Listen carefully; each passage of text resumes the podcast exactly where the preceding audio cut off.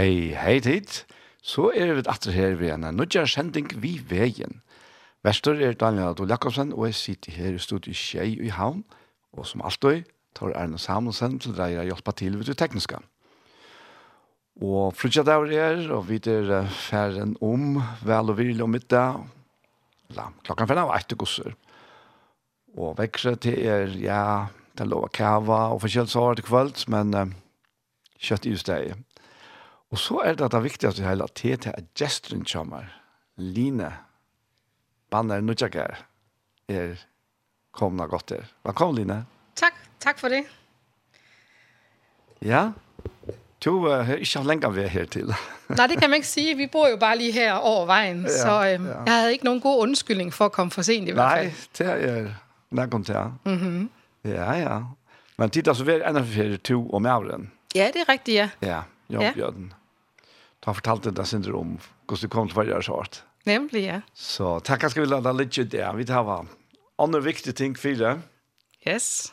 Til um, uh, Lina men Du, du kan kanskje lykke til å stått og hvordan du kom til trikk, va? Du kan fortelle, og så... Ja, det vil jeg meget gerne gøre, ja. for jeg er jo egentlig opvokset i en familie, som slet ikke er kristen. Og det kan jo nok for mange familier lyde øh, mærkeligt, fordi at øh, vi er vant til, at man kender altid en eller anden, trods alt, der er kristen. Men det var fuldstændig en artistisk familie, jeg er opvokset i. Så da jeg som 20-årig øh, havde et personlig oplevelse med Jesus, som simpelthen gjorde, at jeg måtte, jeg, jeg måtte simpelthen bøje min knæ, og så sige, at der er mere mellem himmel og jord, og der er en kærlig far, der elsker mig, og jeg kommer hjem og fortæller det derhjemme, så kan du nok forestille dig, at de bliver noget overrasket. Og rent faktisk, så, så, så var det så slemt, at min far tænkte, nej, nej, nej, nej, vi må have mistet vores datter til en eller anden mærkelig sekt. Han var helt red for, du ved, at jeg var faren helt ud i hampen. Men det gode er så, at han begyndte at se, at det, at jeg begyndte at vandre sammen med Jesus, det vil sige, at jeg lærte ham bedre at kende, og lå Jesus få mere plads i mit liv, så gjorde det jo noget ved mig. Og det gjorde åbenbart nok ved mig til, at mine forældre begyndte at sige, okay, måske er, det, er der noget om det her. Mm. Og det gjorde det også dem åbent, så ja. for netop at søge, øh, søge ind til Gud. Ja, flot. Fantastisk. Og så er det blitt gift ned en føringe, og flott til førje, og tid som en parst av sitt kjørstjøsene. Ja, nemlig. Ja. Og bygger beint til søgne av. Det gør vi. Ja. Og jeg kan måske tilføje, at vi kendte faktisk slet ikke City Church inden. Ja, altså hvis vi har hørt noget, så er det måske endda noget, som var lidt negativt. Okay. Men på trods af det, så oplevede vi simpelthen at blive... Altså jeg ved ikke, om man kan forklare det sådan, men og blive varme i vores hjerter. Som om, at Helligånden var der og varmede vores hjerter op for City Church. Sådan at før end vi kommer til, før end vi satte vores fødder her, så vidste vi, at vi vidste, at vi vidste, at det var vores åndelige hjem. Wow. Og det er der, vi skulle koble os på. Fantastisk. Mm. Ja. Og til her så faktisk snakker vi til at gjøre som vi færre at ta oss om det. Ja. Det er det profetiske. Ja, netop. Du er jo rettelig engasjeret og i Så det er det som vi atler for at oss er sin om det. Og jeg har alltid for største vi å spille til Line, hvordan definerer man? Er det en høvesdefinisjon og så smare definisjoner, eller hvordan definerer man til du profetiske? Det er sådan, ikke brydeligt om det, Gusse. Ja, det er rigtigt. Og hvis jeg skal bare prøve at formulere det, Daniel, med mine egne ord, sådan frit for leveren, så vil jeg sige, at det profetiske generelt handler om, at leve tæt på Jesu hjerteslag. Mm. Altså leve så tæt på Jesu hjerte, at man fornemmer, mærker, endda hører fra ham, hvad det er, han vil, og hvad han ønsker, hvad han siger. Det er storm sekundær. Det vil jeg sige, ja. Ja, ja. ja. Og nu kan man jo godt have den tanke, nå, er det så for nogle specielle udvalgte? Nå, det er nok kun for den eller den. Men der vil jeg, der vil jeg gerne allerede den her eftermiddag, eller den her sending, sige, at nej, det er simpelthen Gud har skabt os sådan, at alle kan høre fra ham. Mm -hmm. Alle. Så dig, som også lytter med her i dag, det her er også relevant for dig. Gud, han ønsker at kommunikere til dig, og du er skabt på sådan en måde, at du faktisk kan høre fra ham. Ja, det er fantastisk. Mm -hmm. Ja, to, og, og ja, nu sier jeg at det her, at alle er så, da vi ofte hokser Bibelen, så hokser Gamle Testament og Nye Testament, ja. Mm Og nesten vi kvart som om at ikke vi kvart andre gjør men det hevde jeg jo. Ja. Det gamle er bare oppfylt og uten nødja. Men tar vi så for etter til Moses, ja, som kom ved loven til jødene og alt det, så hei han jo eisen et innskje om at alt herrens folk skal være profeter. Ja, ja. Ja. Og det er, det er langt her for at det er det er det som han vil. Ja. Ja. Og det, som jeg synes, er interessant, når vi netop snakker om Moses, det er jo, at han havde jo en klar oplevelse også, med blandt andet, da han øh, står ansigt til ansigt med den brændende tårnebusk. Ja. Altså, hvor at øh, Guds nærvær og Herrens røst kommer ud af busken. altså, du ved... Og nogle gange er det jo sådan, at det kommer som ud af en busk. Altså, når vi nok mindst forventer det, eller Guds røst, eller hans tale kommer, måske ikke der, hvor vi har regnet med, men at vi så bare må være kendt som værende dem, der er opmærksomme, når han så taler. Ligesom Moses jo i den grad var det. Siger, herre, tal, din tjener lytter. Men faktiskt så fänger jeg godt uh, uppmärksamheten att jag måste ja. och det är alltså den grad. det hade varit ju någon chans man sa ofta när här i mörsen här alltså torst och hett och så knappt så var det lilla buske som bara bom. Ja. Så brände han upp och det tog ganska sekunder. Det var mer minuter så så var det just det. Ja. Mm. Men hästen blev bara via bränna och bränna och bränna. Ja. Och det fänger jag uppmärksamheten. Ja, det var något speciellt där som han inte ja. bara lige kunne gå vidare från. Nej. Det, det är fantastiskt. Nej att det är, är det god som kontaktar åkorna. Netop. Ja. Og måske er der i virkeligheden flere oplevelser i vores hverdag, hvor der er et eller andet, hvor at Gud prøver at få vores opmærksomhed, og hvor vi faktisk godt fanger, der er et eller andet særligt over det her. Og der tror jeg så, at øh, vores opgave er at træne os i at blive bedre til så at lytte til, mm -hmm. når Helligånden siger, vær lige opmærksom her, ja. eller der er noget her, jeg vil sige til dig. Akkurat, ja. Ja. Men Jesus selv, han ble eisen omtaler som profeterinna. Det? Da han skal komme, og han er profeterinna, altså. Omfram til at han er Messias, han er frelseren og alt det. Så får han eisen til ta heite som uh, han er profeterinna. Mhm. Mm -hmm. og det er jo, det er fantastisk. Det. Men det fantastiske er det at det her som burde faktisk vi stekka for 2000 år siden cirka, da Jesus er deier og, og begrivende, at ta livet fullkomlig i deres. Der står, at, at Guds ånd skal komme over alle mennesker, ja. og jeres sønner og døtre, at de skal profetere, som det mest naturlige faktisk. Ja. Sådan læser jeg det. Ja, ja. Mm. -hmm. Så, så han det her, alt det verset som Jesus kommer att gjøre, ja, vi, vi, hvis vi tenker høgtøyene, ja, så starter vi da jølene, og nå får det komme til påskene. Og, og alle høgtøyene er nødvendige, ja. men det blir jølene, Fyra är att han kan bliva ett offer av påskon. Fyra att synden kan bliva utstrika tjock människan så att det är inte några problem för god langer. Men så kommer kvitsunan. Og det er lukka som endamal vi ödlen hinnon. Ja. Så det kommer heila i anten. ja. Og det er alltid folk planerat ofta vi vi tar vi tar vi tar det är sändning om at att tar kvitsun där at uh, hvis vi tenker jøl, så, så vidt ødel om det her. Mm -hmm. Vi tar var et hev av jølasangen. Og så kommer vi til Porscher, og så nå er det ferdig kanskje ned i helt, eller langer ned, og i begge sangen, og kanskje, kanskje forståelse, men jo, forståelse er det stadigvæk. Men så kommer vi til Kvitsene. Og her virker det nesten som om at her er rævla feir sanger om hele andan, mm. og om Kvitsene. Mm. Og forståelse er ikke er Alltså ja men och några ganska halt det att och spooky vi vi kvitson, ja. Mm. Men det var ända malet. Mhm. Och vi gav gav jag långt till fint. Men uh, av kvitsson så var det faktiskt god som gav och hon.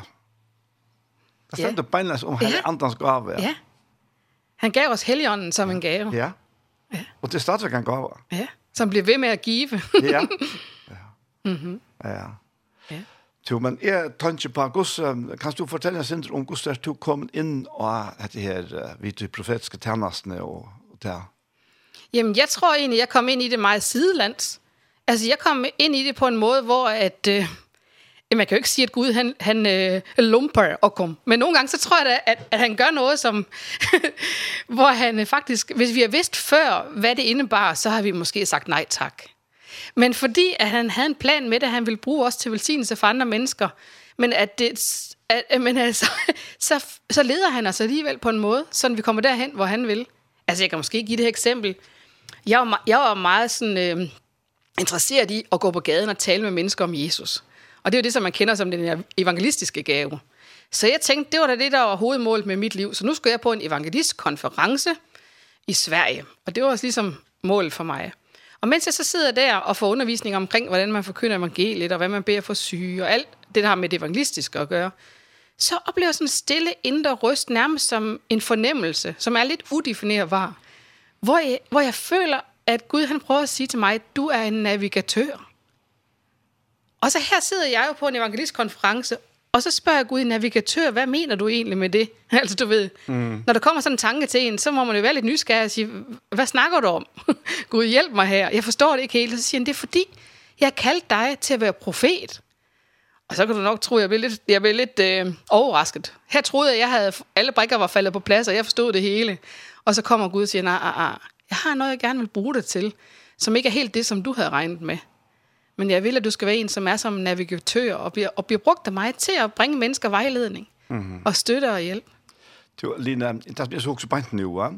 Da du forteller og tåser om han her, så er det naturligt for åkken, at vi tåser svartene. Men hvordan opplevde du til at på hver måte upplevde at Gud taler så til dem på andre måder? Ja, men altså, det er klart, jeg hørte, jeg hørte ham ikke som en hørbar stemme. Det ville jo ellers have været meget dejligt nemt, hvis Gud bare talte med en høj røst. Og det ved vi, at han kan gøre, og vi ved det også op igennem Bibelen. Eksempler på, at han gør det. Og, øh, men det her var en røst, som var en indre røst. Jeg kan sammenligne med, at hvis du nu lukker dine øjne og tæller langsomt til fem ind i dit hoved, og lytter sådan, hvordan lyder det så, når du tæller til fem ind i dit hoved? Jamen så vil du synes, at det lyder lidt som min egen stemme, ikke din stemme. Og ganske rigtigt det er faktisk din egen stemme, du kan høre, når du hører fra Gud. Mm -hmm. Så helt lavpraktisk er det faktisk. Fordi der står også i Bibelen, at vi, har, vi er blevet givet kristi tanker. Han har skabt os, han virker igennem os på en helt naturlig måde, sådan at han taler faktisk i os, ind i os, igennem os.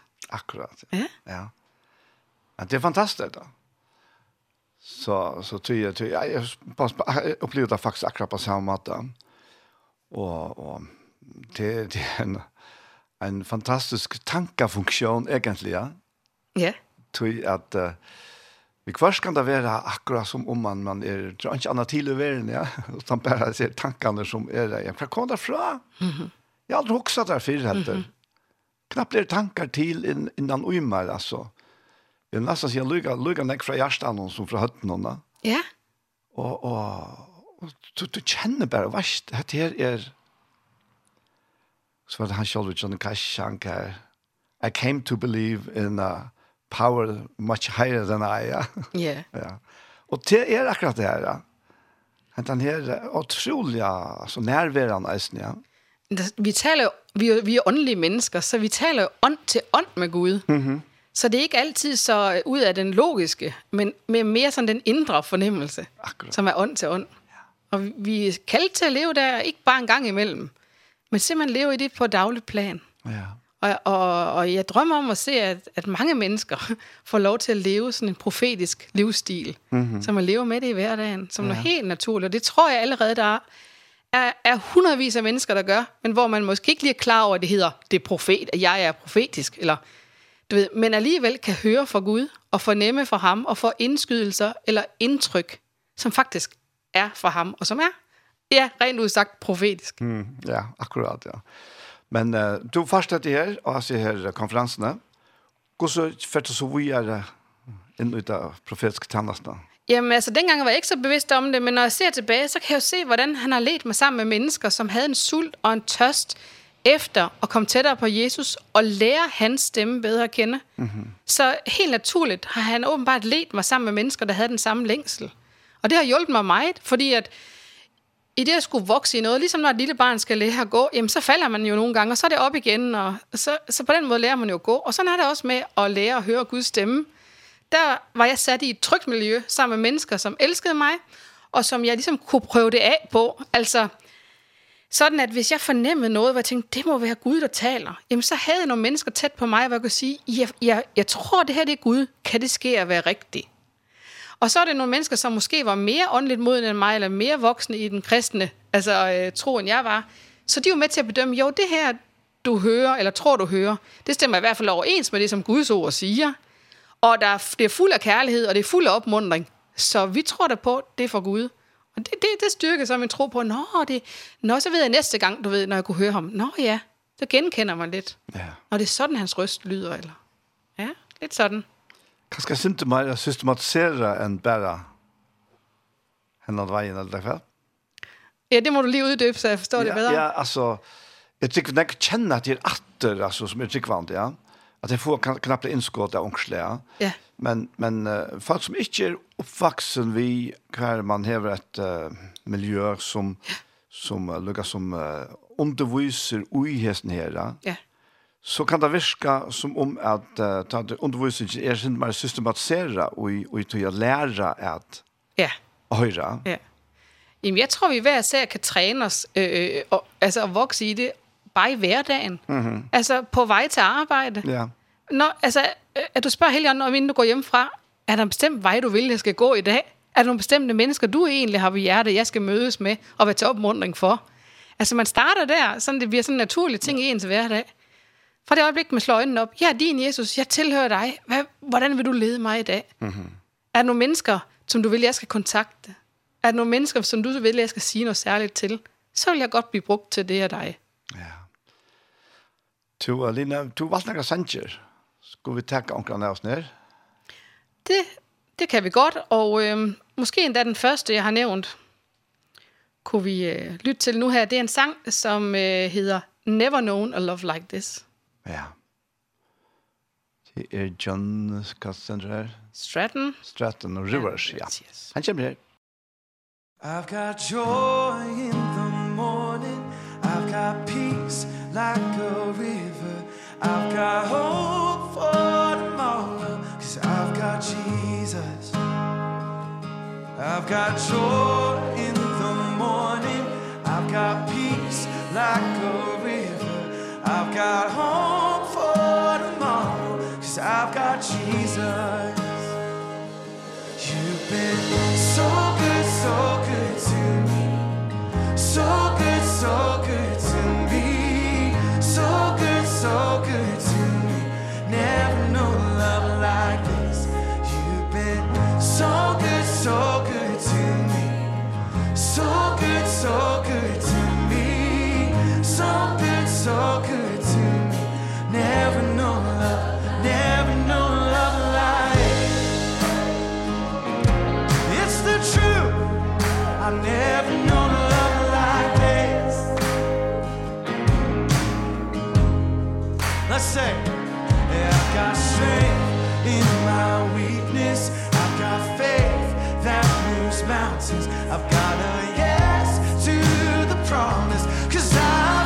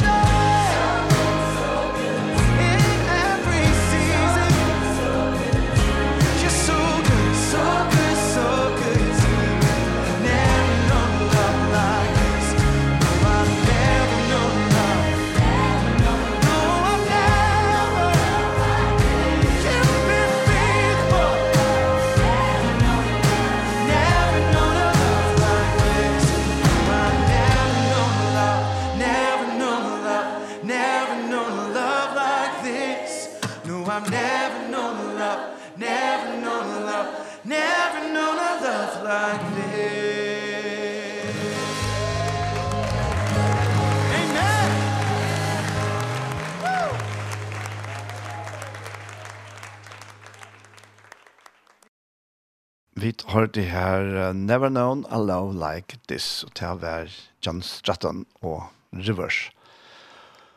Og her sender ikke vi veien, Vester Daniel, og gesten kommer er Line Nudjeger. To Line, vi snakker om dette her vi har hørt fra Gotia. Nå har vi så nevnt dette her, Lukas, en, en mat som vi uh, bare har kjent på, og som vi tykker at nekk mennesker kjenner det på, at vi går til okra tankaløyva. Ja Men det är en är matar altså, mm -hmm. som som kan fortælla sen upp det? Ja, det vill jag meget gärna. Ja. Lite tidigare før sangen nævnte jeg om min oplevelse i Sverige og i på selv samme konference i Sverige og hvor han talte til mig, der oplevede jeg samtidig og med lukkede øjne og se et billede. Der var som et billede, der tonede frem øh, for mit indre, og det var en sextant. Og øh, jeg, som er vant til at sejle, ved jo, at sådan et instrument kan bruges netop til det, til at pejle, så man sejler i den rigtige retning. Ja. Og så så jeg sådan en rigtig flot en, du ved, sådan en velpusset, blank øh, sextant der. Og det er jo den, netop ved at kigge på den, kan man sige, at øh, jeg, jeg, jeg blev nysgerrig. Hva, hvad betyder det her, den her sextant? Er det dig, Gud, der vil sige noget til mig med det her billede? Nej, nej, sextant er bare for at forklare ja, det, ikke videre. Det er et instrument, man bruger til at... Uh Jeg kikar et solen vi faktisk, for jeg finner det av hva man det erstatta. Ja, det er rigtigt. Så kan man navigere. Så det den navigering. Yes, ja. navigere ud fra det. Og fordi at jeg jo heller ikke kender så meget til sekstanten, så, så spørger jeg selvfølgelig Gud nysgerrigen, hvad, hvad skal det her billede betyde? Og så siger han, jamen det, det er fordi, jeg har kaldt dig til at være en navigatør. Og det er jo ikke fordi, jeg forstod fuldstændig, hvad det indebar. Så der, derfor stillede jeg igen flere spørgsmål. Jamen, hvad mener du så med det? Jamen, det er en, som, du ved, kan profetere og vejlede mennesker og fortælle dem, hvad det er, jeg siger til dem. Så, så jeg tror, meget af det profetiske, og det at kunne høre fra Gud, det åbner sig op lidt ligesom, når man åbner en gave op, ved at, at der er flere lag, at man bliver, det kommer ud af, at man er nysgerrig ind for Gud, og spørger ham, jamen, hvad betyder det her så, og hvordan skal det anvendes, altså hvad skal det bruges til? For mange gange så er min erfaring, han, han viser ikke bare en et billede, Og så er det det. Altså, hvis jeg sagde til dig i dag, Daniel, jeg ser et billede over dit liv, som er for Gud, og det er så, nu tager jeg bare som eksempel, det er et træ med røde bær på, ikke? Er du opmuntret, Daniel, ikke? Og så vil du jo klart sige, nej, jeg, nej, jeg, nej, ikke særlig, vel? Så der er brug for, at man er nysgerrig og spørger med ind til, jamen Gud, hvis det her billede var for dig, hvad betyder det så for Daniel? Så kan det være, at han siger, jamen det er jo fordi, at jeg vil, Daniel skal vide. Han er som sådan en, et stærkt træ, som står øh, solidt i mit rige. Okay, det lyder spændende, ikke? Og så vil jeg godt vide lidt mere, jamen de der bær, hvad er det for nogle bær? Jamen det er nogle, det er nogle spiselige og velsmagende bærføl. Det, det kommer faktisk til mig nu, som vi sidder og snakker. Det er nogle, nogle spiselige og velsmagende bær. Og det er jo så fint nok, men jeg, jo, jeg vil gerne vide, hvad, hvad betyder det for dit liv, hvis jeg skulle opmuntre dig med det? Og så må jeg spørge helgerne igen, jamen, hvad, de der bær der, Gud, hvad handler det om? Det betyder, at det, som kommer ud af hans mund, at det er noget, som er godt og byggeligt og brugbart for mennesker. Så, så, så, så kan du pludselig modtage det som en opmuntring. Herren siger til dig, Daniel, at det, som udgår fra din mund, det er noget, som er byggeligt og brugbart og velsmagende, mm -hmm. når mennesker modtager det. Ja, Godt. sådan. Ja. ja. Så det er i hvert fald et eksempel, bare lige omkring det med, med at se billeder, for det er jo også en måde, hvor Gud han kan tale til os mm. på. Ja. Men bare for at gå tilbage, altså helt, helt naturligt, så taler han til os jo gennem vores sanser. Og vi har jo fem sanser. Altså vi har synsansen, vi har høresansen, ikke? og lugte, og smage, og så også føle. Og faktisk så kan Gud jo tale til os igennem alle de her fem sanser. At vi ser noget, som han taler til os igennem, eller at man kan godt, man kan godt føle, mærke på noget, og så kan han pludselig give en en fornemmelse af, hvad det handler om. Ja. Så det er gennem vores sanser. Fantastisk, ja. Og jeg husker bare akkurat nu tatt det til ja. det, til, jeg snakker også for at uh, det rationelle mennesker, det er klart slett ikke for vi er tui Nei. Tøy, tøy, det er, det er utenfor lukka som det er. Og man kan godt være trygg det å være så rationell reisende at man ikke ordentlig teker, teker heilig andan vi, ja. Men här är åtta fyra akkara människans lia rationaliteten. Och det är ju förstått helt i kjölöja. Tui, jeg minns vi, han som har skapt okkon, han er jo hakren vita. Og han avgjør hva det er rasjonelt, andalet, og, og så videre. Ja. ja. Og det, det er fantastisk. Tui, tui mamman eisne som, uh, att att att ja så så det så skilja rational människa till att är halt mig bestämt för rational nästan. Alltså vi attacker hela andan alltså vi ja. Men men hvis man är här som sikvanta att man är så rationell Tack gott vi är tar så bant till omkring procenten nu alltså där sidan. Att man är så rationell att man man klarar inte att täcka att det här som Line fortäller och nu till såna. Ja men lägg tun egna rationalitet så just det god till en rationalitet som är så og eller nek, nek, nek større enn dere. Der er noget jeg også, som bliver nødt til at sige, Gud, lad din vilje ske i mit liv. Ja. Ikke? ikke min egen, men og hvis du ønsker at bryde ind i mit liv, hvilket vi jo alle sammen har i den grad brug for, at han gør, så bryd du bare ind på måder, eller forstyrrer mine tanker, du ved. Akkurat som du vil.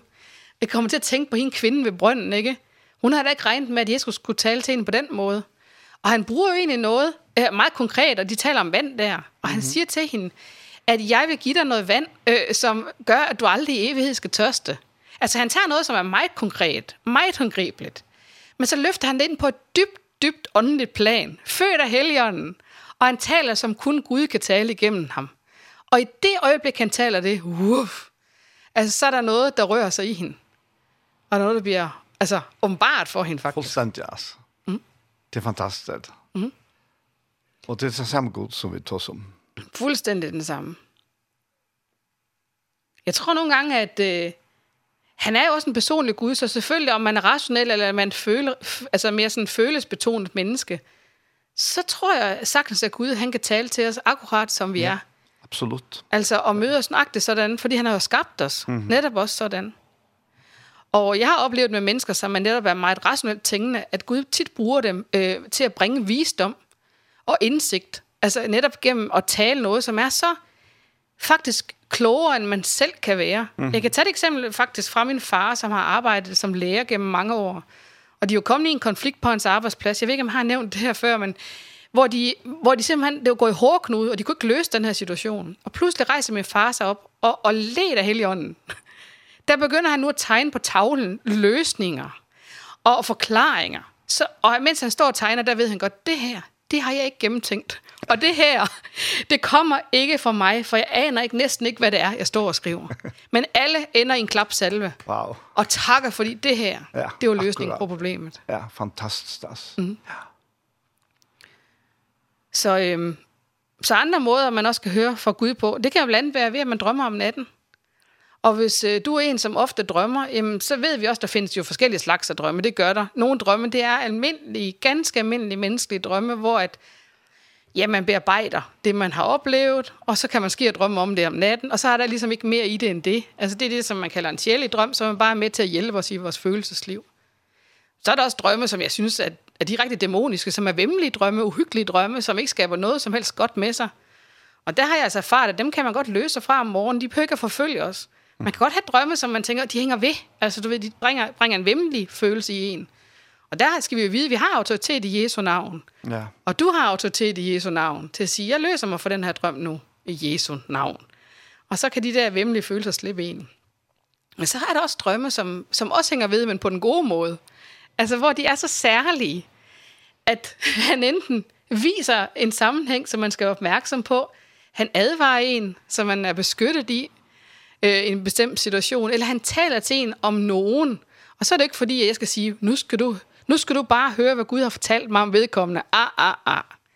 Nogle gange så deler han jo hemmeligheder med os, fordi han vil, at vi skal bede for personen. Og så hjælper os til, hjælper det, den her drøm så os til, hvordan vi kan bede for personen. Mm. Så det er ja. også en måde, hvorpå Gud han kan tale til os på. Ja. Ja. Ehm, um, hade du så alltså alltså vi utfört ju at du tosa vi vi mennesker, og kanskje ikke akkurat huxar ut av profetiska banorna men men så sier en person personer vet det det mest att se att det här så det er beint inn och i test vi är er till av. Ja. Har du opplevd det? Ja, det har jeg. Ja. Og jeg vet ikke om du også har några konkrete eksempler på det. Ja, jeg har ja, jeg fortalte et dømme jo an om jeg har lyst til å sende den, det var til jeg var kjent, jeg var, jeg var, jeg finnes jeg lyst til arbeid, Og her var så en, en dame som, som, vi, som vi kjente faktisk ikke på forhånd, og vi tog seg nek sammen, så var det. Så knappt så en dag så følte hun trang til å fortelle mer om en person. Og plutselig, ja, jeg vet ikke om det akkurat det, men, men, men, men gusset, ja, plutselig så, så stendte personen klare firmaer, altså. Akkurat som om at, at hun har nevnt navn og alt og Og så sier, hun, du mener vi, Og hun ble fullstendig for fjamska. Du ønsken kunne vite, altså jeg kunne ikke vite det som hun, hun fortalte meg til henne. Og, og ja, jeg følte faktisk til å være nækka på samme måte her. Ja. ja. Jeg fik engang besøg af en veninde, som jeg kendte gennem mange år. Vi skulle egentlig bare drikke kaffe sammen, som vi har gjort så mange gange før. Ja. Og hun kommer så øh, og sætter sig i min stol. Og det, hun kommer med, det er, at hun er meget nervøs for at skal drikke kaffe med mig den dag, fordi hun skulle fortælle mig noget, som var meget svært fordi hun faktisk øh, havde fået et arbejde i en helt anden by og skulle flytte væk fra, hvor vi boede, og det ville jo påvirke vores venskab. Og hun var egentlig nervøs for at fortælle det, fordi hvordan vi er taget det, hvordan vi er reageret, og, og øh, vi havde meget sammen, så, så for hende var det egentlig svært at komme og drikke kaffe den dag. Og det specielle var så, lige da hun sætter sig i sofaen over for mig, og vi skal drikke kaffe, så flyver, så siger jeg, så hører, altså, jeg hører min egen mund sige, altså det er den bedste forklaring. Det kommer så meget bag på mig, at jeg hører min egen mund sige, Du kommer til at, du står jo over for at få et helt ny stilling og et helt nyt arbejde. Og det er en by, som kommer til at blive så stor velsignelse for dig og familien. og jeg, jeg tænkte bare, nej, nej, nej. Jeg, jeg blev jo faktisk så overrasket over, at jeg nærmest, du ved, profiterede hende væk fra, fra byen. At jeg tog min trøje og lagde den over hovedet, fordi jeg tænkte, nej, hvad er det dog, jeg sidder og siger? Fordi det sidste, jeg ønskede, det var jo egentlig at give slip på hende og sende hende væk. Fordi hun var så en nær ven af familien. Og så er det hun bare, altså hun græd jo af lykke over, at uh, Gud har talt til mig på den måde, og så siger jeg, det er ikke noget, jeg har forberedt, siger så, og det kommer bare lige nu, mens vi sidder og snakker. Og så siger hun, det er nok det sådan, det er. Jeg er blevet tilbudt. Jeg er en sygeplejerlederstilling der og der, og, og, og, og føler det for Gud, og har lyst til at sige ja. Så tak, fordi vi har jeres opbakning. Nettopp. ja. ja. Jeg kom tanker om nu til å fortelle at, her, at faktisk for så si akkurat 20 år siden, ja, så finner vi til samkomner i evangeliusen som det er da, vidtjen av en pære. Som jeg kunne ikke minnes at vi hadde haft det på besøk på tannmaten i samkomne, og ta var gjør så Daniel. Og det var, det hadde så vært at her er i februar, februar, februar i fyrstene, og ta, det var nesten fyra år i Bradford da, Og akkurat som tog egentlig er det være.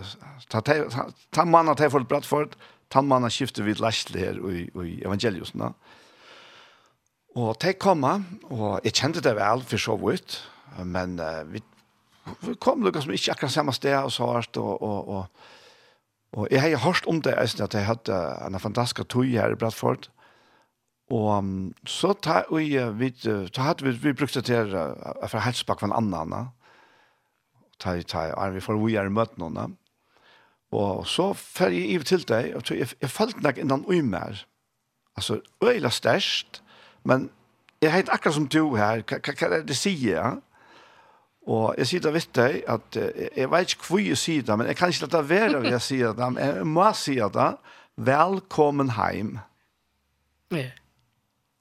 Og, Nei, no, det er låt som ikke har svart, og så får jeg det seg til og Og så, så forteller han det til henne at uh, her i, i, i, i samkommet her i Bradford. Her stendte et skilte, beint armen fra inne salen, welcome home. Ah, ok, så tenkte jeg sikkert det. Jeg har ikke hørt om det her, altså, at det står et skilte her, et eller annet greier stedet. Mm. Og dette var så februar, og så kom vi til Maimanna, og løy fyller rundt, nære vikrar enn jeg fyller samme til alle, og Og vi tatt så vårt til fargen, og så kom, så kom Angvønni, døtteren og Johannes av Vidtjokkene. Og hun sier i telefonen her at uh, ja, vi tar, vi tar en annutja til henne. Ja, takk så, nå er av det, ja. og da til så kom og fortelle, så er det til å fortelle til at uh, Gjørts og Daniel kom til City Church, eller til Evangelius og ta, i august da. Og ja, men han vi var ordentlig glede, altså, ordentlig, det var ordentlig til å si ammen inn i ui her, ikke bare løy og mer på denne veien. Så sier, så sier han gvende vi med, du pappa, altså, gjør du spurte om jeg har fortalt deg om det. Ja. At vi kom. Så sier han, nei, jeg har ikke fortalt deg. Hva spørs du om det? Jo, du vet at jeg var her i februar, da var jeg kom til det, sagt, jeg kom hjem. Ja, sånn. Ja. Ja. Altså, jeg kan godt lide at bruge det her ord, der hedder gudsfældigt. Altså, det var ikke tilfældigt, nej, nej, at du nej, sagde nej, det. Nej, slet ikke. Men det var gudsfældigt. Altså, det var et ja, tilfælde, Gud havde lagt til rette. Ja, ja, ja. Ikke tilfælde, men gudsfældigt. Et gudsfælde. Ja, ja, ja. ja. Der, der var det så ordentligt også. Og, og vi fikk så eisen til, til skilt her for flere år siden, velkommen hjemme. Ja. Og ta hoksa til sjåvann, ikke bare akkurat om City Church, ja eller hva det skal være, ta også velkommen til heim til færhuset, til færgeren sjølvene. Ja. Det er han det dreier seg om. Det er det. Og til lukkans, apropos bygninger i det. Ja. Det er ikke bygninger som så lest det dreier seg om, men det er mennesker, yes. gjørster og færgen i himmelen. Yes. Ja. Og med det som vi lige har oplevet, der er sket her, så er det en highlightet for os, ja. hvor vigtigt det er, at fællesskab med hinanden, at, og det, at vi er levende sten, det er det, som er kirken, og det er det, det handler om. Ja, helt sikkert. Ja. 100 procent. Ja. Så... For nylig havde jeg, at kaffe med en veninde også, og så, så siger jeg til hende, du skal huske på. Det fløj bare ud i munden, men du skal huske på.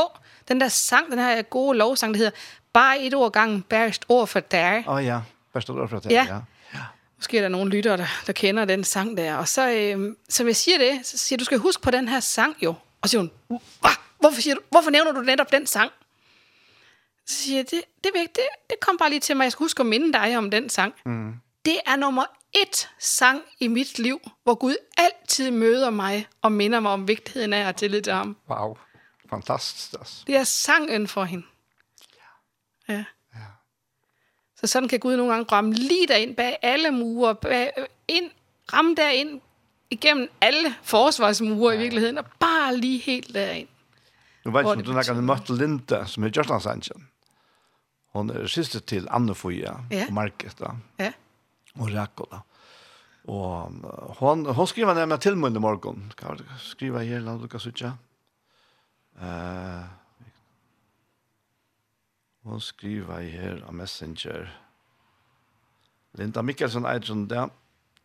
Gå Daniel Hooks om det så det är. Härsta sutt och antalja heim i ösku. Jesus är tjata klem linta. Ja.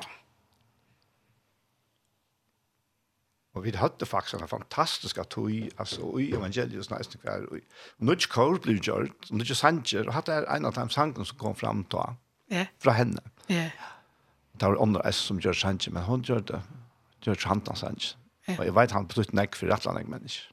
Ja. Ja. Kanskje det ikke spalt han her, to? Ja, hvis du kan få den frem, så synes jeg det kunne være meget relevant lige nu, når som vi snakker om. Ja, det er, skulle være nok så kjøtt å funnet frem her. Først ett år fra her, han kommer her. Vi kører opp, og jeg ser mappen her, så... Ja, vi får lort etter han her, til systrar, og til, til fyra systrarna her. Anna Sofia, Margit, Linda og Rako som synes jeg.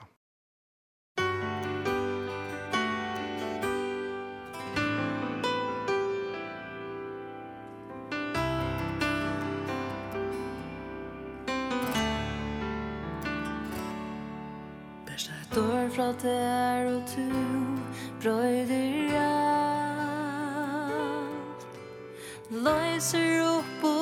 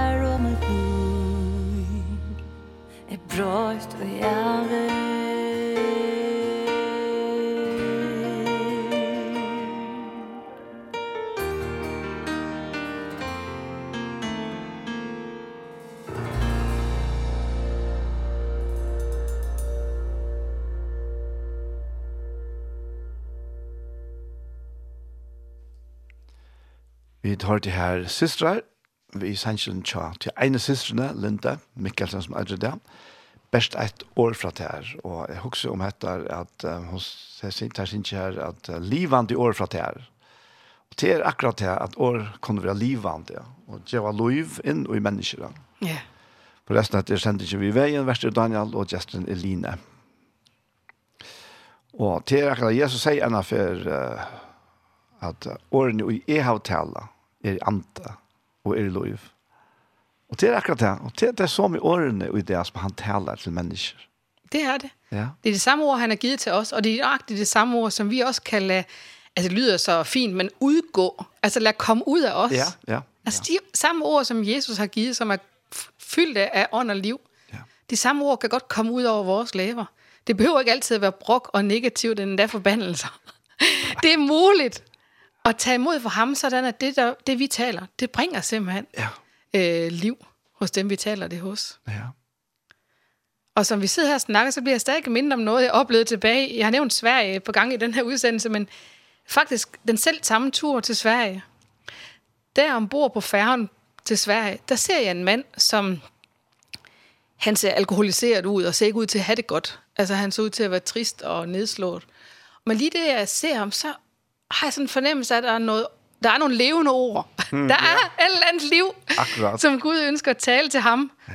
Og øh, jeg ved så godt, at han har plan om, at han vil bruge mig til det. Nej, jeg var ikke, jeg var ikke glad ved det. Nej, jeg tænkte, hvordan skal jeg starte samtalen? Og hvordan skal jeg gribe det an? Og hvad, hvad er det overhovedet, jeg skal sige? Men bare den her følelse af, at der er et eller andet liv, jeg skal bringe til den her mand, som er fra Jesus. Mm. Hjælp mig til at være modig. Og nogle gange så kræver det faktisk, at man lige, du ved, øh, ja, tager imod tager mod til sig, ja.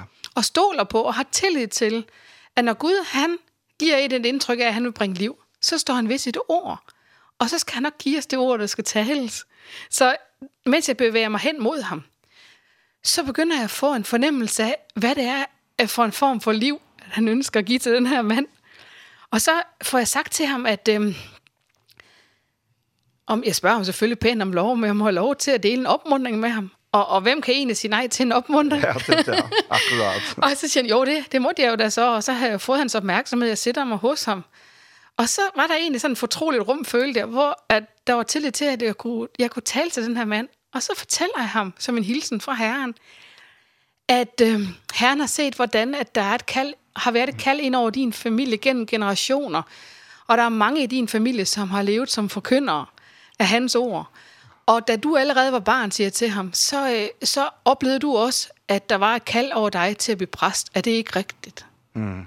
Og så kan man godt teste de ord og de fornemmelser, man får, eller det, man hører fra Gud. Er det ikke rigtigt? Og så kunne man jo sige, jo, det, det er lige på kornet. Ja. Men jeg havnet der, hvor jeg er i dag, fordi jeg gennem livet har simpelthen oplevet så mange skuffelser, at det aldrig er blevet til det, som jeg egentlig godt vidste, at Gud han ville. Og så er det kommer, jeg siger, jeg skal sige til dig for Herren, at det er aldrig for sent. Wow. Og så vidste jeg bare, at jeg havde bragt det, som jeg skulle. Ja, ja.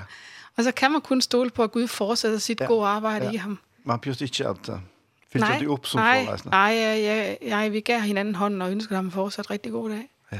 Ja, ja fantastisk. Ja. Men igen til den her sang, vi lige har hørt om, at bare et ord kan, kan forandre alt og ændre alt. Ja. Og sådan er det ofte fra Gud, at der skal ikke altid så meget til. Nej. Og når man møder sin kollega eller en anden på sin vej, et, et opmuntrende, et støttende, et hjælpende ord, som bærer Guds ånds nærvær, mm. -hmm. det kan forandre det hele. Ja. Best et ord fra det her, og det brødre alt. Ja. Ja, men det, det er fantastisk. Og at her er jo egentlig et kall som er til åknødt, som sikva. Um, ja, det er, jeg vet ikke om det ligger noe kulturelt ut, og jeg synes ikke i meg skulle bygdnavn ut i kyrkje, eller, eller samkommende ui, ja. Men da kan vi først bliva til at vi er almindelige ui samkommende eller kyrkjene. Ja, men vi leta altså, prestaskapen eller laslene om det, og så lukkans færre vi det frikir, ja. Men vi er faktisk alle at vi er ui gyr, Yes. Alltså så att det framdrift antalet i ökar liv ja. Och allt över vi det där livande stenar som du nämnde ju Anna ja. Men, men så är vi nöjda att spela vi. det är upp till hver enkelt av oss, og, og, og det er en åben invitation, der står for alle og enhver. Altså, vil du, vil du komme tættere på mig, siger Jesus, vil du høre min røst? Han siger jo, mine får hører min røst. Ja. Så hvis vi, vi siger, jeg vil gerne være dit får, altså, øh, dum som et får er, men jeg vil gerne være dit får, Jesus. Mere skal det ikke til. Så siger han, du kan høre min røst, og jeg skal hjælpe dig med, at du kan lære min røst at kende. Ja. Den invitation står vi alle sammen overfor. Så vi må simpelthen sige ja, og så skifte gear. Jeg kan godt lide det udtryk, men vi må komme gear ind i det. Ja, ja, det er, det er, det er akkurat det. Det er, det er, ja, en, en morgen for nu nok længe siden i, i evangeliet, som tager ta kjent jo eller største til her uh, vi uh, at uh, en biler som ikke er gir at han har godt køyre rettelig kjøtt det har jeg faktisk prøvd undanbrekket men han kommer omgang ved og i målbrekket utan han har sett i gir du så trekker på kraftene mm -hmm.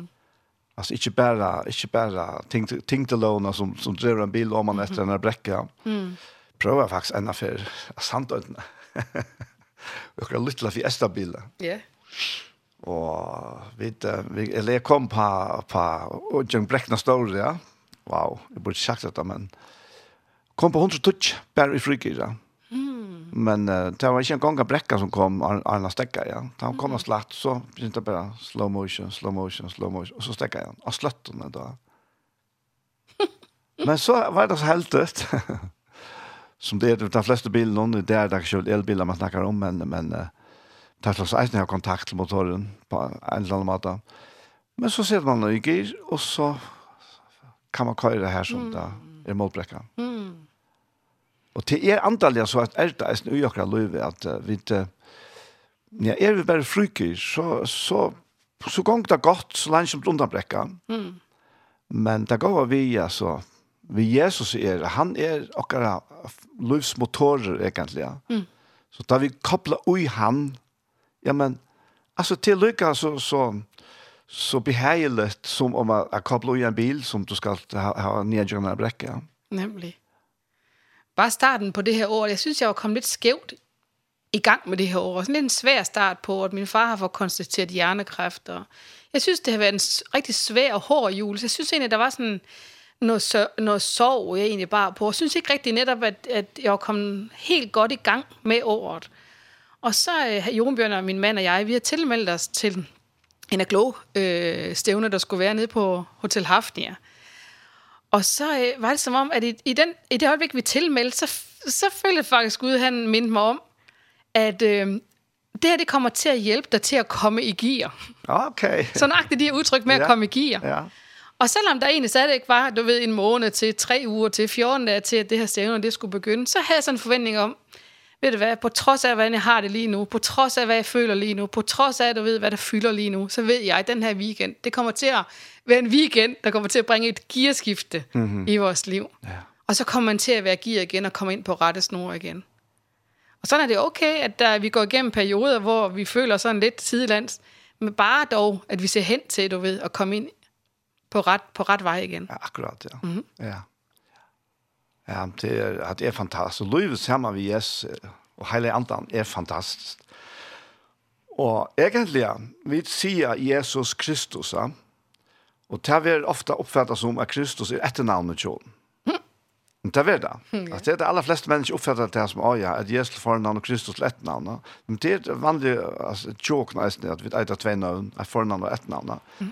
Men uh, ta, ta, og vi faktisk nevna Jesus Kristus. Ta nevna vi hele andan.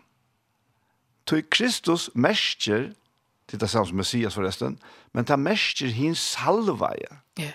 Og salvan i Bibelen yeah. er alt i hele andan. Ja. Så, så faktisk Jesus Kristus, ta tåsa vid om Jesus og hele andan. Bare vi sier Jesus Kristus. Ja. Det kom knappt som et lyn i nu nu för någon fan då sen. Ja. Hun kan huxa att på tammatan för det. Mm. Måste Jesus var sammen med disciplen, så synes de jo så forfærdeligt, jo, at han skulle væk fra dem, og han skulle dø, og de, de så ingen håb. Men så siger han, det er bedst for jer, at jeg går væk fra jer, fordi jeg sender Helligånden til jer. Så han vidste allerede der, ja. at hans salvelse, hans nærvær, hans tilstedeværelse i form af Helligånden vil komme til os. Han vi, skal, han, vi ikke been efterladt faderløse, men men han har sendt helligånden til os, og som er vores daglige vejleder simpelthen, og han er vores daglige, altså trøstermand. Han er den, som er der hele tiden lige helt nær. Og jeg tror, at øh, man kan altid få ham, formere ham. Mm. Jeg kan godt lide det, der står også øh, i Efeserne 5, at I skal ikke drikke jer fulde af vin, men lad jer fylde ja. af helligånden. Amen. Jeg elsker det skriftsted, fordi Så tænker man, om så, så drikker jeg mig fuld en gang i helligånden, du ved, man påfyldes, eller tager ham ind, og så var det det ligesom. Ja, du ved, så fortsætter ja. vi, fordi nu har jeg jo oplevet det. Men det er ikke det, der ligger det ord, hvis man går ind og læser, det ved du måske bedre end jeg, at grundstammen af det ord, lad jeg fylde, det, det er øh, i en form, hvor at det er noget, man kontinuerer ja, det. Og halvt andet. Ja, ja. at man, man simpelthen igen og igen lader sig fylde af helligånden ja. og påfylde ham. Ja. Og, og det er ikke mere kompliceret, end man bare siger, fyld mig op, jeg ønsker at modtage for dig. Mm -hmm. Så let som når man trækker vejret, trækker ånden ind. altså på samme måde kan man egentlig trække hans nærvær tæt til sig. Ja, ja. ja. Helt sikkert også. Og, og han Titus Santos er snu med det her om, om vi bæger, altså for at bære, og i endeføring, og, og i endernudjan. Ja. Altså, man man färdigt här vad signa jag berg kan man väl rensa av yes ena för för alla ja. Men och jag ser här kan man säga så löven och här dagliga trumrum och allt det. Så har vi brukt att få förfriskande bär att det. Men det gör vi ju dagliga. Vi äh, alltså vi färd vi tackar och tackar tackar brusbär dagliga. Ja. Att vara regelbundet och gossar att det tar vi ja. Men, men titta man faktiskt han står om här, andaliga. Spiritual shower, ja. Faktiskt, ja. Men alltså, och och det är så gott. Och det alltså, tar så komma samman. Ja. Bara att vi bara sitter här och tossar samman om det här. Mm. Så känner vi, ah, det är sån förfriskning ute, ja. Det är ändå nytt, ja. Alla togna. Ja. Och det är ofta också man ändå nytt, ja. Men det är då man vill längt väck, länka toja. Nej. Det är... är Jag vill ju snart huxa om det. Alltså rent trymlet fysiskt då. Jag vill ju bara i länka till ja. Ja, så luktar det skott då. så ska det gå så här då. Men men vi vi vi vit vaska och rensa och brusa och regla för jag släppa fra att komma här till vi får lukta. Nemlig. Ja men inte antalet att samma. Yes. Yes. Første gang jeg kom til ferien, der kan jeg stadigvæk huske den første sang på ferie, jeg hørte. Og det var en sang, der hed Ender Nutja Mer. Ja. Ender Nutja Mer. Jeg kan ikke huske mere end det, og det, det brændte sig ind i mig. Fordi at øh, måtte mit liv her på ferien, måtte mit daglige liv være sådan en fornyelsesliv. Ja. Sammen med Helligånden. Ja. Akkurat, ja. Skal vi tage en sang af? Lad os gøre det. Ja. Nu har jeg foreslået en, en norsk sang. Og jeg ved ikke, om du ser oh, ja. den der, Daniel. Ja, jo, vi sætter okay. vores lid, ikke, fra Philadelphia lovsang. Ja. Det er ham, vi sætter vores tillid til. Han kommer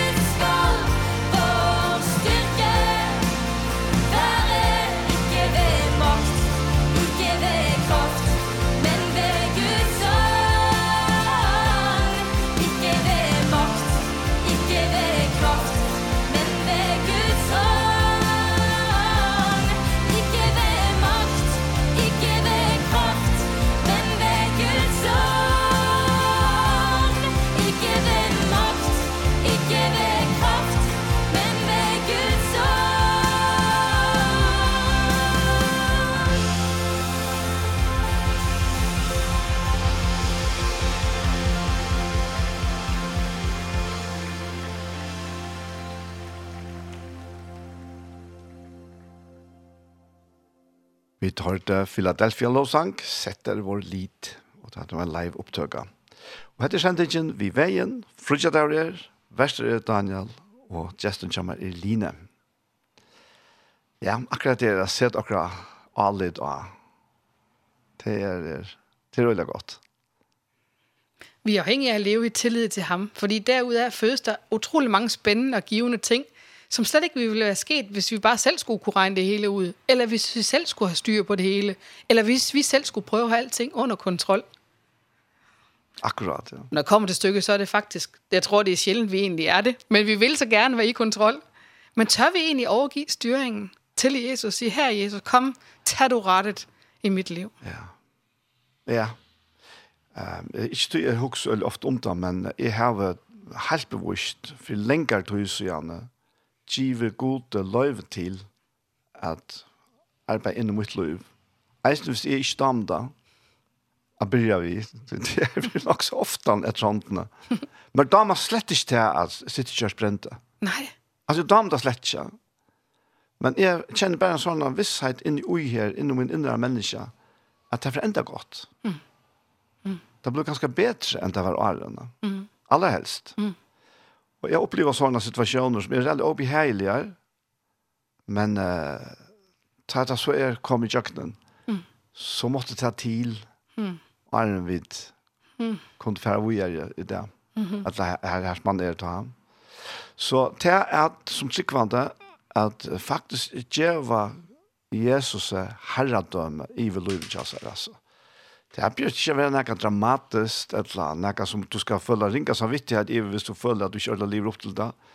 Men hvis du bare gjør en lov til det, så gjør han det som han vil, og som han ser, ta et han passer honom. Ikke mer. Slett ikke alltid det passer mer. Da. Men uh, signingen er her ta han slipper å bestemme. Yes. Ja. yes.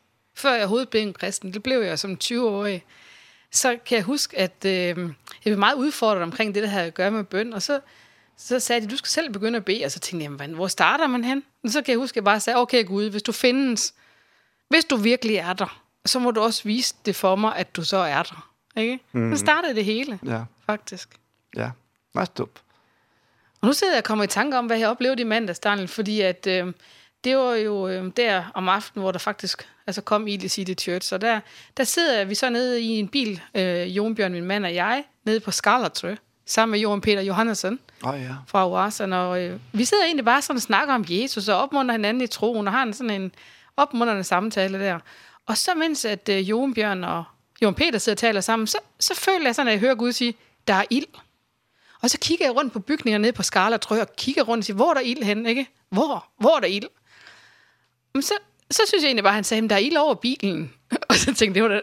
Nå, så fangede jeg, nå ja, ligesom ved disciplene. Der kom Helligåndens nærvær over dem, som tunger af ild. Mm -hmm. Som, hvor folk kunne se, at der var ild. Altså og, og, og, hos dem, eller ovenpå dem, eller, eller i dem. Og så, så tænkte jeg, nå ja, vil det, altså, det er sådan en indre dialog, jeg lige pludselig havde med Gud. Vil det så sige, bare ved, at vi sammen her taler om dig, Jesus, så øh, er der faktisk, altså, åndeligt set ild ovenpå om på bilen. ja, det, det er der, hvor jeg bliver ophøjet her. Der, der, er mit, der er der ild, altså der er mit nærvær. Mm. Og der bevæger jeg mig. Og, og, og, øhm, og jeg tror at det er det, vi må bare minde hinanden om øh, øh, i den her periode, at, at, at lade hans ild brænde i vores hjerter. Også, jeg husker også, der, der, eller jeg kommer tanke om, at der, de, der disciplen, de, de, føles, de går på MMO's vejen. Akkurat, ja. ja. Og så går de med, med en mand der. De ved jo egentlig ikke rigtigt, hvem den mand er. De følges jo bare med ham, og så siger de, var det ikke som om, at vores, vores hjerter, de brændte i os, mens han talte? og sådan tror jeg da tit, det er, når at, at Gud han virkelig taler, så brænder det ind i os, så kan man mærke, at der er noget her, der bliver vagt til liv, og det brænder i vores hjerte. Det taler simpelthen til os, fordi det er ham, der taler. Mm. Ja, fantastisk. Det är det är simpelt så vad signat att bara leva och hans her nærvære, kjenne sig nærvære, att tuna. Det skaper sånn chickläka. Alltså man man og längre man faktiskt lever ut i, alltså chickar blir man på han och chickar man blir på han så blir man faktiskt ett chickar på seg selv. Ja. Det är Ja. Och det är liksom ett närt vänskap alltså jo, jo ofte man taler sammen med sine venner, jo ofte man kommer sammen, så er det som om, at du ved, altså det, det er jo lige før, når vennen ringer, så ved man på forhånd, det er vedkommende, fordi man kender hinanden så godt efterhånden. Og sådan er det jo også med, med livet med Helligånden, at jo øh, oftere man, man har fællesskab med ham, jo nemmere er det for os at genkende, at det er ham. Mm, akkurat, ja. Mm. Ja. Men du, Lina, det er også ligger for fremman nu, som du har snakket om det vil jeg meget gerne, for øhm, vi har et profetisk netværk, som er et, et fælles kirket netværk, som er for alt Guds folk her på færgerne, og øhm, vi er et profetisk team, der, der leder det. Det er, det er Maja Jonbørn, ja, men det er også sammen med Ren Vishiba, som er fra Philadelphia. Det er Karina Magnussen her fra City Church, og det er Sigrun Bolstad ud fra Tjeldan. Vi er ligesom et profetisk team, og vi har vi er simpelthen for hjerte for, at vi vil tilbyde en profetisk skole – som løber over tre måneder her i marts, april og maj, hvor enhver er velkommen til at tilmelde sig og være med der. Det kommer til at løbe hver 14. dag om torsdagen. Vi kommer til at mødes tre torsdag aftener, et i marts og et i april og en i maj oppe i Philadelphia i lejligheden ovenpå der. Og så øh, den anden torsdag altså både også i marts, april og maj. Vi vil også mødes i en lukket Facebook-gruppe, altså online, og modtage undervisning i det at kunne høre fra Gud. Og ikke nok med undervisningen, fordi ja, undervisningen er god, og det er det, der ligger fundamentet, det er klart. Men vi har brug for også at være i et uh, trygt miljø, hvor vi uh, kan øve os i det sammen. Så det vi egentlig tilbyder, det er et uh, skoleforløb, hvor man kan sammen med andre elever komme øh, og, og simpelthen øve sig i at kunne høre fra Gud mm. og betræne i det. Så øh, om, om det kunne have din interesse, så er du meget velkommen til at tage kontakt jo. Og du kan finde os øh, ved at finde mig, Line Banner Nutjekær, inde på Facebook. Det tror jeg, det er faktisk den nemmeste måde at finde mig på. Og så skrive til mig på, på Messenger der. Okay. Men kan man søge programmet nærkast eller? Vi har øh, prøvet at poste øh, informationer omkring det øh, på, på de sociale medier, så det skal være, hvis man, man sådan støder på det lidt tilfældigt, vil jeg sige. Øh, nogen har ser det inde på Facebook, og andre hører om det, og nu her i radioen i dag. Så det er sådan forskellige veje, vi reklamerer mm, yeah. for det. Men hvis du vil have tilsendt noget øh, mere omkring det, så er du også velkommen bare til at skrive til mig, så sender jeg program og det hele. Ja. Okay, det lever bare godt. Så uh, Lina, jeg var ikke klar til at en sang er og en vidt alt slutt av. Ja. Yeah. Og øh, må ikke vi skulle tage uh, Thank You Jesus for the Blood med uh, Charity Gale.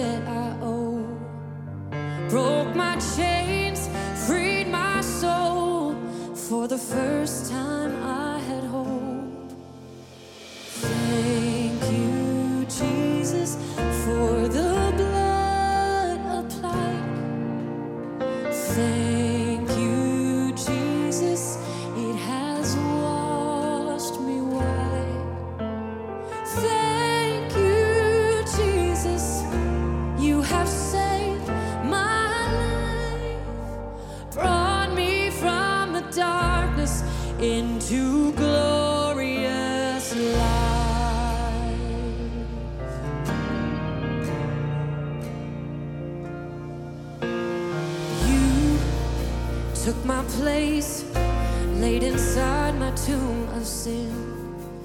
You were buried for 3 days but then you walked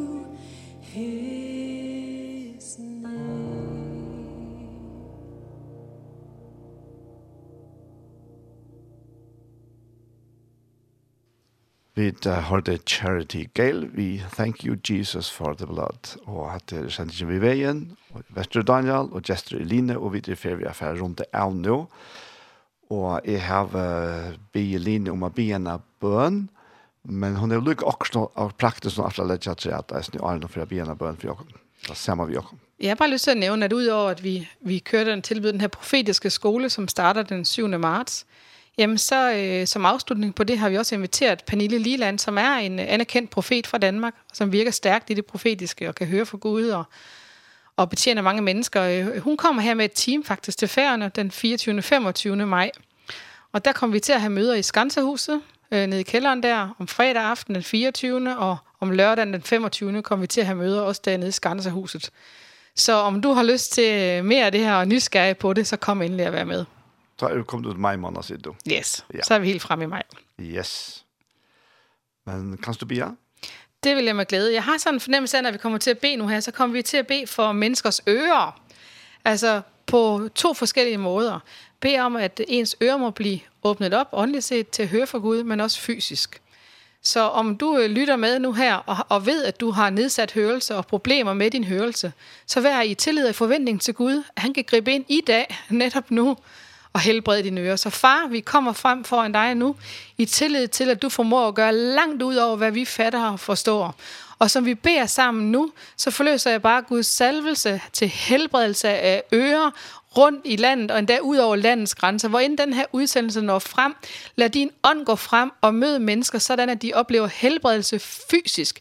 Vi taler til fysisk ørepine og nedsat hørelse. Vær helbredt nu i Jesu Kristi navn. Og så øh, takker vi også dig, Jesus, for du den, der ved helgerens kraft åbner vores ører, så vi nemmere kan høre fra dig. Og som vi beder nu her, så kommer vi til dig i tillid til, at du åbner vores åndelige ører, så vi kan høre fra dig. Så øh, nærmest som når man tager en prop af en flaske, så tager vi proppen af vores åndelige ører, så vi på ny kan høre opmundring, støtte og hjælp for dig, Helligånd. I Jesu navn. Amen. Amen. Line, jeg får si altså, tusen takk for at du vil du komme om han her i dag. Vi tjej. Det er godt at ha gode grannar. ja, jamen selv tak, det var en fornøjelse. Ja. Tusen takk for det. Og du må endelig helse Jon Bjørn nesten. Mange takk. Han fikk ikke vi det, men han, han vil vi ennå for fyr. Og til stand og som til hans. Det gør vi. Vi står sammen i det. Ja. Så jeg får bare si ja. godt vikskift til tikkene og god sikning og så færre er at enda disse sendingene.